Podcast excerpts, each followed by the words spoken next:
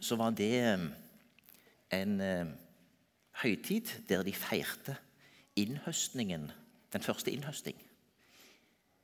Så det er en eh, høytid der han feirte den første innhøsting. Og Gud har gjort det sånn at Den hellige ånd ble åpenbart over disiplene på denne dagen. Og den første innhøsting den var vel 3000 mann. Så det var jo en god start. Og en sterk manifestasjon av at eh, Gud har en plan, og at han følger opp den gjennom mange ulike ja, vi kan kalle det manifestasjoner. Jeg kommer til å bruke det uttrykket litt i dag. Hva er en manifestasjon? Store norske leksikon. Måten som noe ytrer seg på ytringsform, åpenbaring, tilkjennegivelse, opinionsytring. Fra manifestus, håndgripelig, åpenbar, avledet av manus, som betyr hånd. Hvordan har Gud gitt seg til kjenne? Han gir seg til kjenne på mange ulike vis. Han eh, viste seg eh, for Abraham. Snakket med Abraham. Han eh, åpenbarte seg for israelsfolket i en sky. Og seinere så eh, forbereder han, eh, forbereder han Moses på eh, at han skal bygge møteteltet. Og det han sier en hel del ganger når han snakker om møteteltet. Der vil jeg møte deg. Gud etablerer plasser der han lar seg se, og der eh, vi kan møte han. Og så gir Gud òg forordninger om at uh, dette skal bygges en permanent bolig for han. David tror det er han som skal gjøre det. David skal ikke gjøre det, men det er David som får åpenbaringen om hvordan den skal bygges. Den skal bygges på Moria-berget i Jerusalem. Sionsberget. Salomo bygger tempelet og innvier tempelet. Det har også vært en av tekstene eh, for søndagen som ligger bak. Og Salomo filosoferer om, eh, om Gud bor i en bolig. Han som er høyt hevet over alt annet. Han er iallfall ikke bundet til den boligen. Men det fine er at han ville åpenbare seg. Han ville gi seg til kjenne der. Det hadde han løft, gitt løfter om. Jerusalem er viktig, for det er der han ville bygge denne boligen. Og denne boligen får vi følge historien om Messias helt fram til Jesus. Riv ned dette tempelet, og jeg skal bygge det opp igjen på tre dager. Wow. Det er fullbrakt, sier han. Og det aller helligste, forhenget inn til det aller helligste, revner i to. Ovenfra og ned.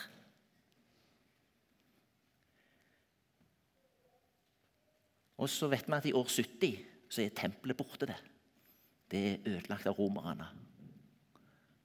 Så det var åpenbart at det, det var ikke en varig bolig for Gud. Hva er den varige boligen for Gud? Ja, først er det jo Jesus Kristus som kommer til oss.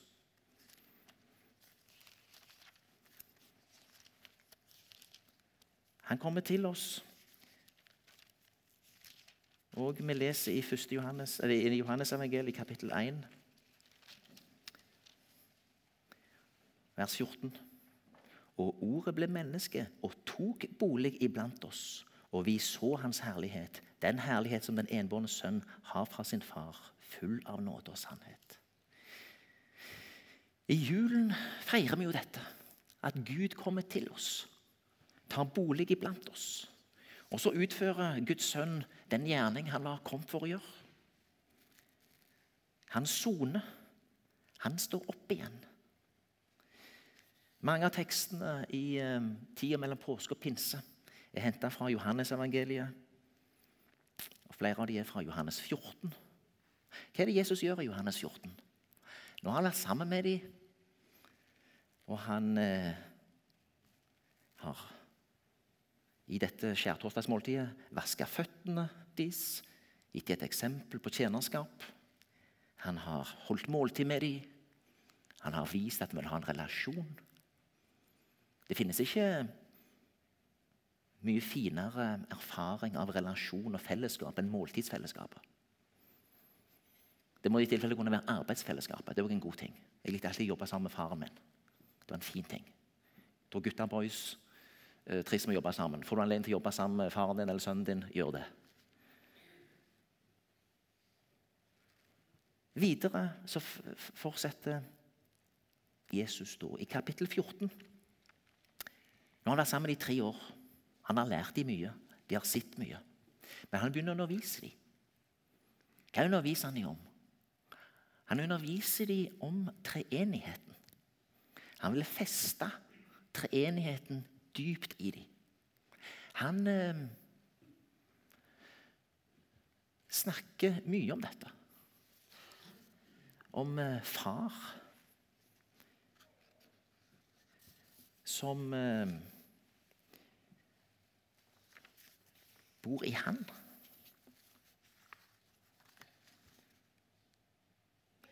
Tror du ikke at jeg er i Faderen og Faderen i meg? Tror man jeg sier at jeg er i Faderen og Faderen i meg? Og så fortsetter han jo, bl.a. med den teksten som vi har her. Den som elsker meg, vil holde fast på mitt ord. Og min far skal elske ham, og vi skal komme til ham og ta bolig hos ham. Dette er svære greier. Dette er veldig svære greier. Fordi vi har nå flytta oss fra at Gud tok bolig på jorda, i møteteltet, i tabernaklet, og at Gud viste seg og åpenbarte seg og ga budskap til profetene, til at Gud sjøl har kommet til jorda og åpenbart seg ved sin sønn. Men nå er vi på den enden av den tida der sønnen skal være der. For sønnene skal gjenrykkes tilbake til himmelen. Men jeg lar dere ikke bli igjen som foreldreløse barn. Jeg kommer til dere. Og nå er det store at boligen har flytta seg fra å være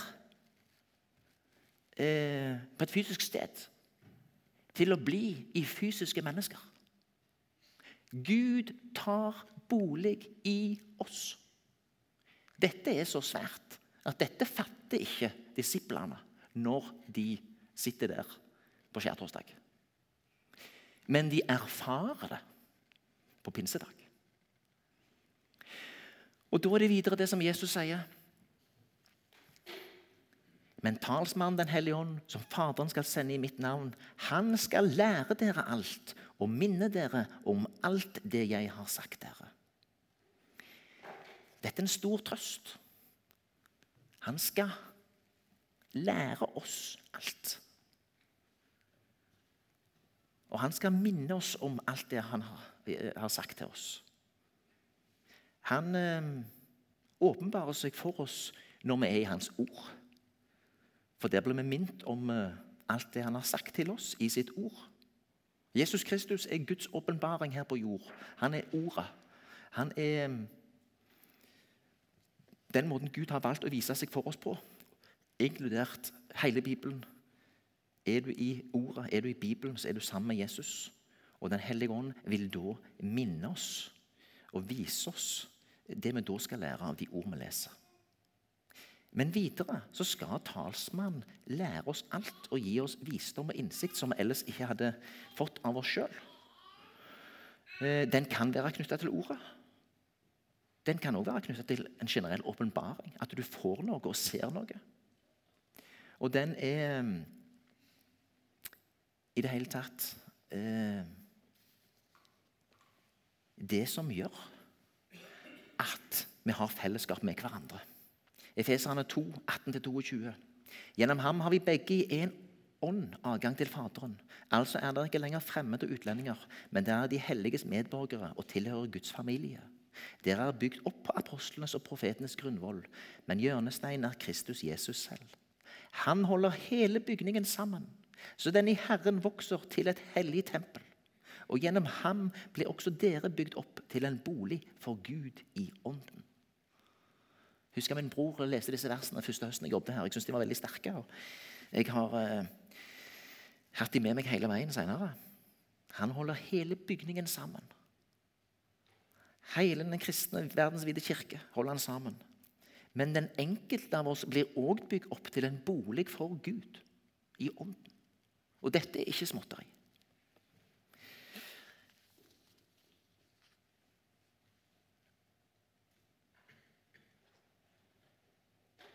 Kolosserbrevet 2, kapittel 9-10.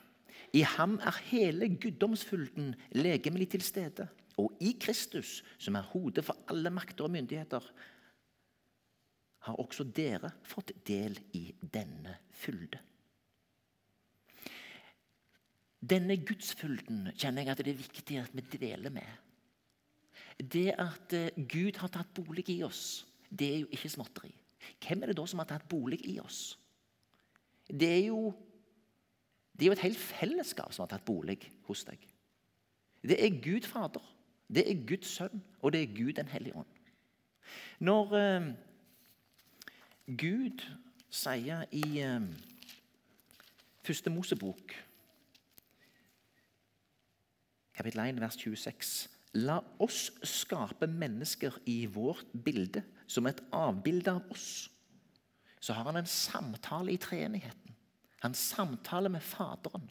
Altså, han samtaler med Sønnen og Ånden.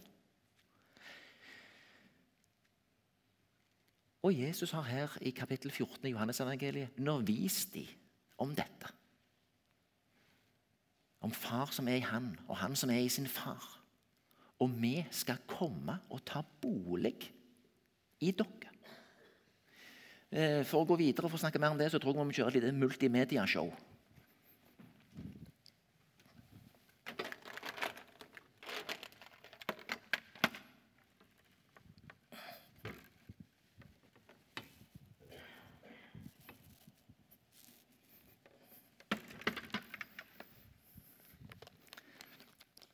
Treenigheten er en eh, av og til litt eh, kompleks ting å snakke om. Men vi snakker jo om eh, far. Skaperen.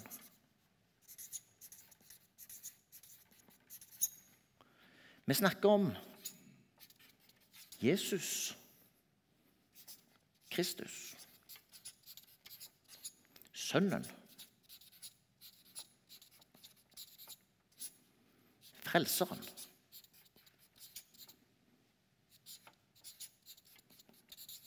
Godt jeg sier det, for ingen forstår hva jeg leser skriver. Eh, Den hellige ånd.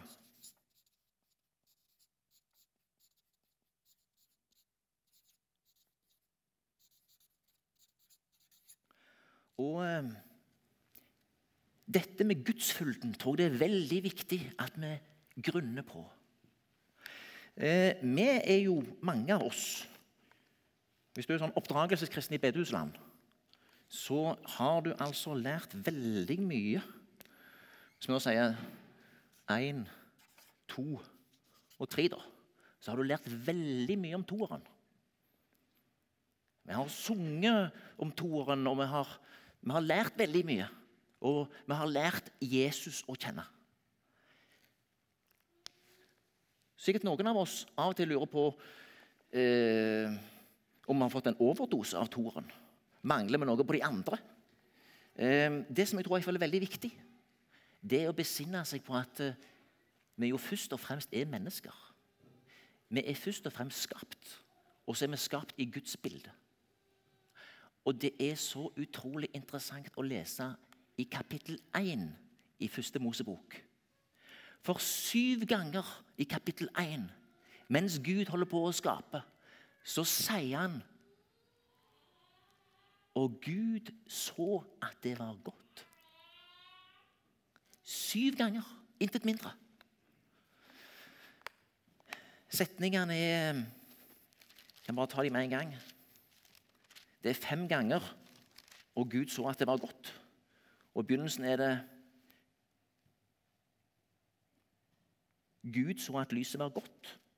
Og så er det fem ganger videre når han skaper. Og Gud så at det var godt. Og på slutten så skaper han mennesket. Og hva gjør han videre i, kapittel, i vers 28? Gud velsignet dem. Gud velsigner mennesket. Og hva sier han nå til slutt? Gud så på alt det han hadde gjort, og se, det var overmåte godt. Tenk det, du. Nå har han skapt mennesket. Han har velsigna mennesket, og det var overmåte godt. Ja, så kommer syndefallet. Men fremdeles er det overmåte godt. Fremdeles er mennesket en velsigna skapning. Fremdeles har du gaver som du skal ta i bruk. Fremdeles har du talenter. Jeg syns det er utrolig interessant dette med personligheter. Jeg jobbet i mange år i, med salg.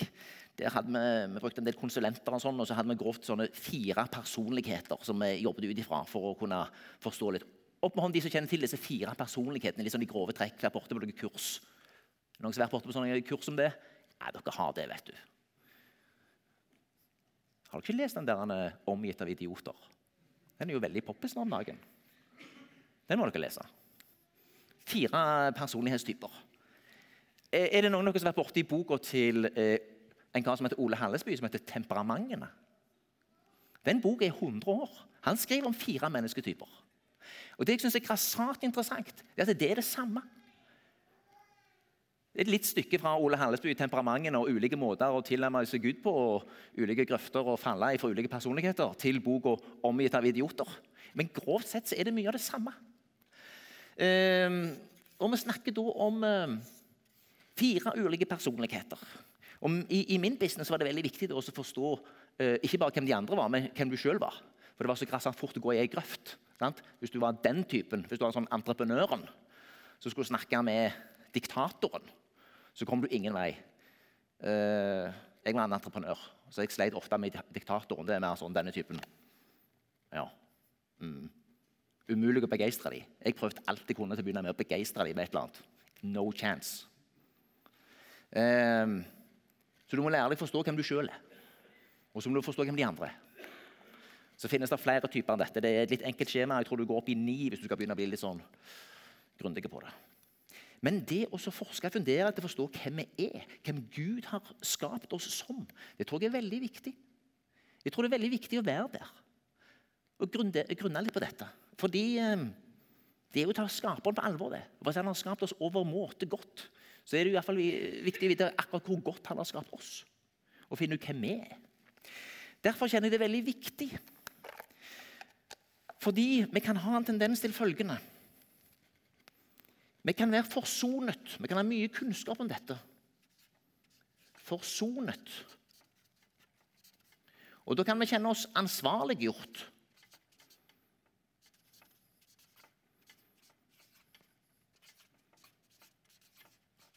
Men det er jo en fare, særlig for oss oppdragelseskristne, at det kan bli veldig mye i hodet.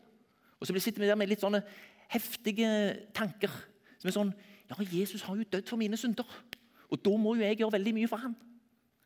Og det er jo sant. Men samtidig må du få hvile i følgende. Du er skapt, du er menneske. Han er glad i deg. Han vil ha noe med deg å gjøre. Så der tenker jeg at det kan være godt å kjenne at du eh, hva skal vi kalle det? da? Myndiggjort. Jeg tror det er godt å kjenne på at du er bekrefta som menneske. Jeg har vært 20 år i næringslivet. Det var gode år for meg. Jeg lærte mye om meg sjøl. Ja, det går an å miste troen i næringslivet, men for meg opplevde jeg sånn at det, det, var veldig mange ting som jeg erfarte at det fungerte. Det å jobbe etter bibelske prinsipper, dette med å lære enda mer om hvor viktig sannhet er, og det å lære seg sjøl å kjenne jeg opplevde det som særdeles eh, styrkende. Hvis du bekrefter, så kan du òg myndiggjøres.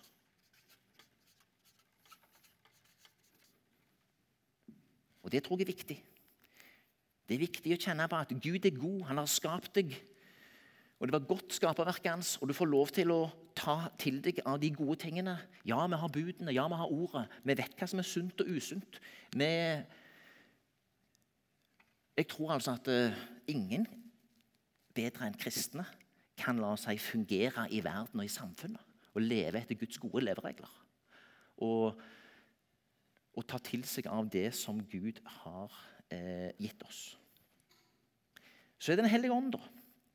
Og her tror jeg det òg er viktig at i tillegg til at vi er forsona og at vi er bekrefta, så er det viktig å jobbe med dette. La oss kalle det for utrustet. Det er så mange ting. Det er jo gavene. sant? Når du begynner å forstå hvem du sjøl er, så har du et visst grunnlag for å forstå kanskje hvilke gaver Gud vil gi deg. Gud kan selvsagt gi den stammende Moses en lederoppgave.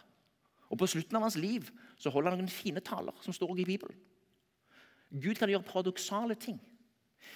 Men jeg tror ofte at Gud vil bruke høyrehånda di òg. Vi må ikke bare tenke i paradokser.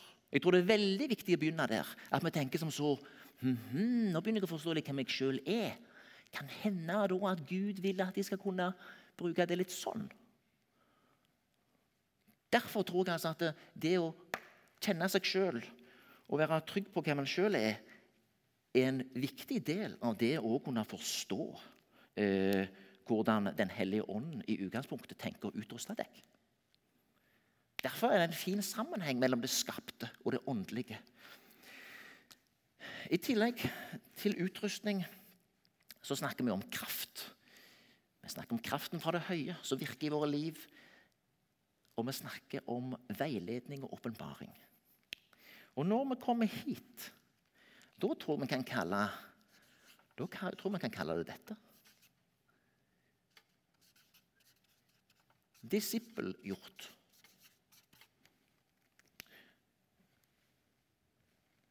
Fader, Sønn og Hellig Ånd. Skaperen, forsoneren, veilederen, talsmannen. Du er forsona med Kristus, og du er ansvarliggjort. Du forstår ansvarliggjort for Gud, fordi Gud har vist nåde til deg. Og du er kalt til å vise nåde til dine omgivelser. Eh, men hvis denne blir stående veldig alene, så blir det strevsomme greier. Det blir liksom bare en tredjedel av la oss si, uh, muskelfylden og kraften. Uh, fordi vi kan gå med langt på ansvar. Men det kan fort bli mye dårlig samvittighet hvis du ikke får kjenne deg bekrefta og ikke får kjenne deg utrusta. Derfor tenker jeg at det er veldig viktig å jobbe med disse tingene. Derfor tenker jeg det er veldig viktig å være både hos eineren og treeren. Mine kolleger begynner å bli litt lei av meg, for jeg snakker om disse tingene litt ofte. Men, men eh, jeg tror at det er viktig for oss at vi får hvile i toren. Eh, og bli bekreftet av eneren og utrustet av treeren. Jeg tror det er viktig at vi har denne fylden med oss. Og det er denne fylden Paulus skriver om. Det er denne fylden Paulus skriver om i Kolosserbrevet. For det er sånn i Kolosserbrevet 2, vers 9-10.: I ham er hele guddomsfylden legelig til stede, og i Kristus, som er hodet for alle makter og myndigheter, har også dere fått del i denne fylde. Vi kan gå til Efeserbrevet kapittel 3, vers 16-19. Jeg ber om at Han som er så rik på herlighet, må styrke dere i det indre mennesket med sin kraft og med sin ånd, så Kristus ved troen kan bo i deres hjerter, og dere kan stå rotfestet og grunnfestet i kjærlighet. Da kan dere sammen med alle de hellige bli i stand til å fatte bredden og lengden, høyden og dybden, ja, kjenne hele Kristi kjærlighet, som er mer enn noen kan fatte, og bli fulgt av hele Guds fylde. Tenk det! Tenk å kunne bli fulgt av hele Guds fylde. Tenk å få visdom og åpenbaringsånd. Tenk å få kraft og styrke til det indre mennesket. Ja, kjenne hele Kristi kjærlighet, som er mer enn noen kan fatte. Videre 1. Peter 2,9a. Men dere er en utvalgt slekt, et kongelig presteskap, et hellig folk, et folk som er Guds eiendom. Og igjen til teksten vår. Talsmann Den hellige ånd, som Faderen skal sende i mitt navn, han skal lære dere alt Tenk det. Han vil lære oss og undervise oss om alt. Jeg tror Den hellige ånd også vil lære deg om deg sjøl. Så den som eh, er forsonet med Kristus, har enorme muligheter til både å bli en sunn, moden personlighet, et trygt menneske, og samtidig få utrustning, få åpenbaring, få kraft til det du trenger til å stå i en eh, meningsfull tjeneste. Og Denne fylden tror jeg det er veldig viktig at vi jobber med å undervise om. Derfor eh, er det ikke meg imot å ha seminarer som går litt på dette med personlighet og de tingene der. Og, eh, jeg, tror også, jeg tar òg eh, det store oppmøtet på et sjelesorgseminar med han Eivind Sætre i Misjonssalen i Sandnes i april. 120 mann stille der. Jeg tar det også som et uttrykk for at vi ønsker å lære litt mer om det sjelelige. Altså, som òg er en del av oss. Eh, og jeg tror at vi godt kan jobbe med utrustningen, nådegavene, kraften, og hvordan denne kommer til uttrykk hos oss. Og ikke minst at her har vi veldig ulikt språk. For, for mange, ja, særlig i den kulturen som eh, vi opererer i her, så kommer det ut fra ordet og åpenbaringen av ordet, og Den hellige ånd åpenbarer ordet. Andre mer eh, karismatiske eh, bevegelser er opptatt av kraften og manifestasjon på ulikt vis. Eh, og så har vi ulikt språk. Noen syns det er fint med mye lesing av Bibelen. Andre ønsker mer lovsang og tilbedelse. Og det finnes godt belegg både for lovsang og tilbedelsen og eh, eh, det å være i ordet og på den måten møte Ånden. Så her er vi igjen ulike personligheter som nok har ulike språk for å møte Gud. Og Det må vi også akseptere. Og De språkene må vi bare utvikle og jobbe med.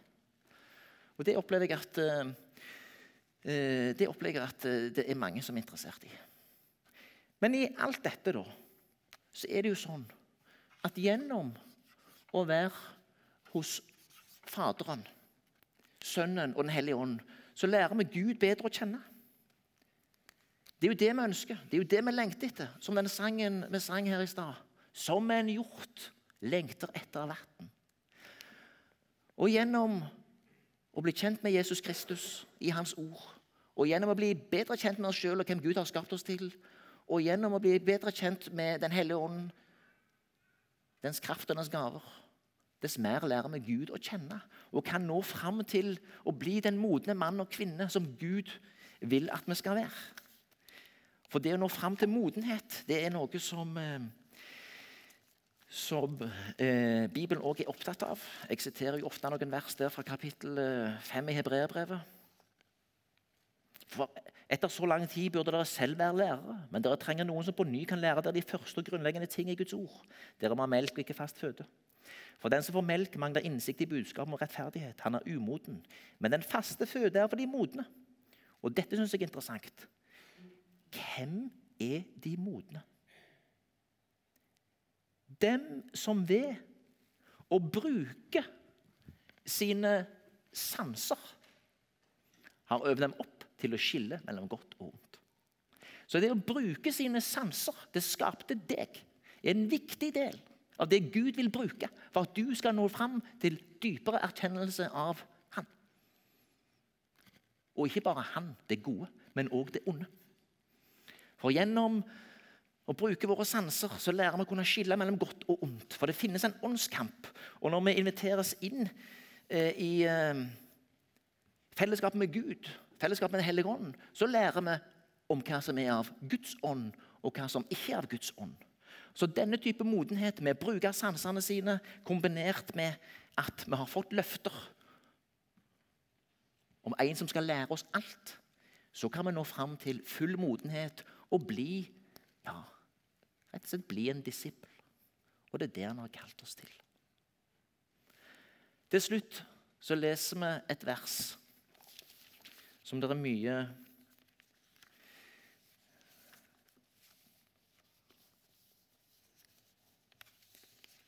Ja, ikke helt til slutt, forresten.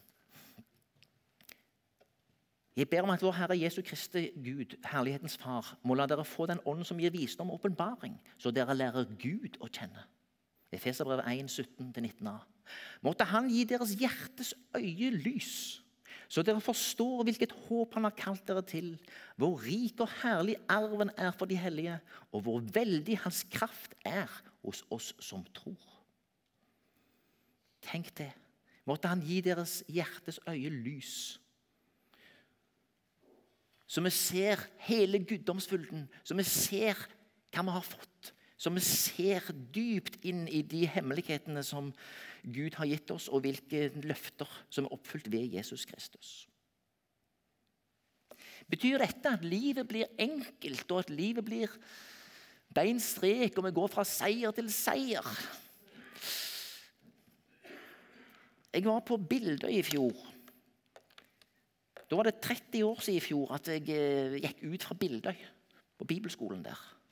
Og Det var en veldig veldig sterk opplevelse. For der Vi um, var et svært kull, med noen og 90. Og så sitter vi der da, vet du, på kvelden etter å ha spist middag og hørt han uh, Ole Abel Sveen tale og synge. Jeg var imponert over han òg. Jeg syns han var en eldre mann. Jeg gikk der for 30 år siden. Nå var han iallfall en eldre mann. Så tenkte jeg wow, Ole jeg syns du var litt treig når jeg gikk der i 88. Jeg synes du var litt tung. En pillemenn. Han satt der og sang og spilte. Da tenkte jeg wow, Olabel, Gud har jobba med deg òg de neste 30 årene.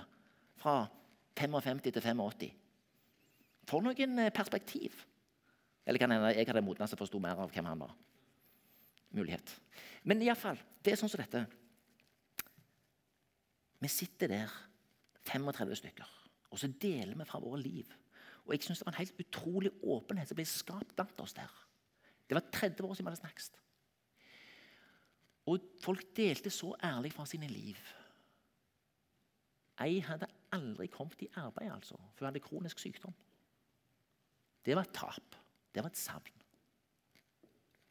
Noen andre delte om at ja, de ble ikke etablert og fikk ikke familie sånn som de hadde tenkt. og De erkjente at det var helt annerledes enn det de hadde tenkt.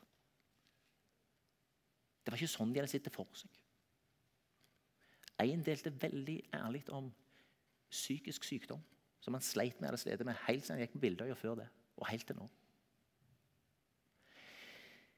Men så ble det så veldig sterkt for meg. Vi satt der 30 år etterpå, og Gud hadde ledet oss. Gud hadde båret hver enkelt fram til denne dag. Tenk det. Det er under. Det er manifestasjon. Gud har bor deg òg til denne dag. Han vil bære deg videre. Og han vil gi deg nye åpenbaringer, han vil gi deg ny kraft, han vil gi deg ny styrke. Han er ikke ferdig med å jobbe med deg. Han har holdt på med noe lenge, og han vil fortsette med det. Så vi synger i den sangen til Sveinung Hølmebakk Han vil gå med deg. Det vil han.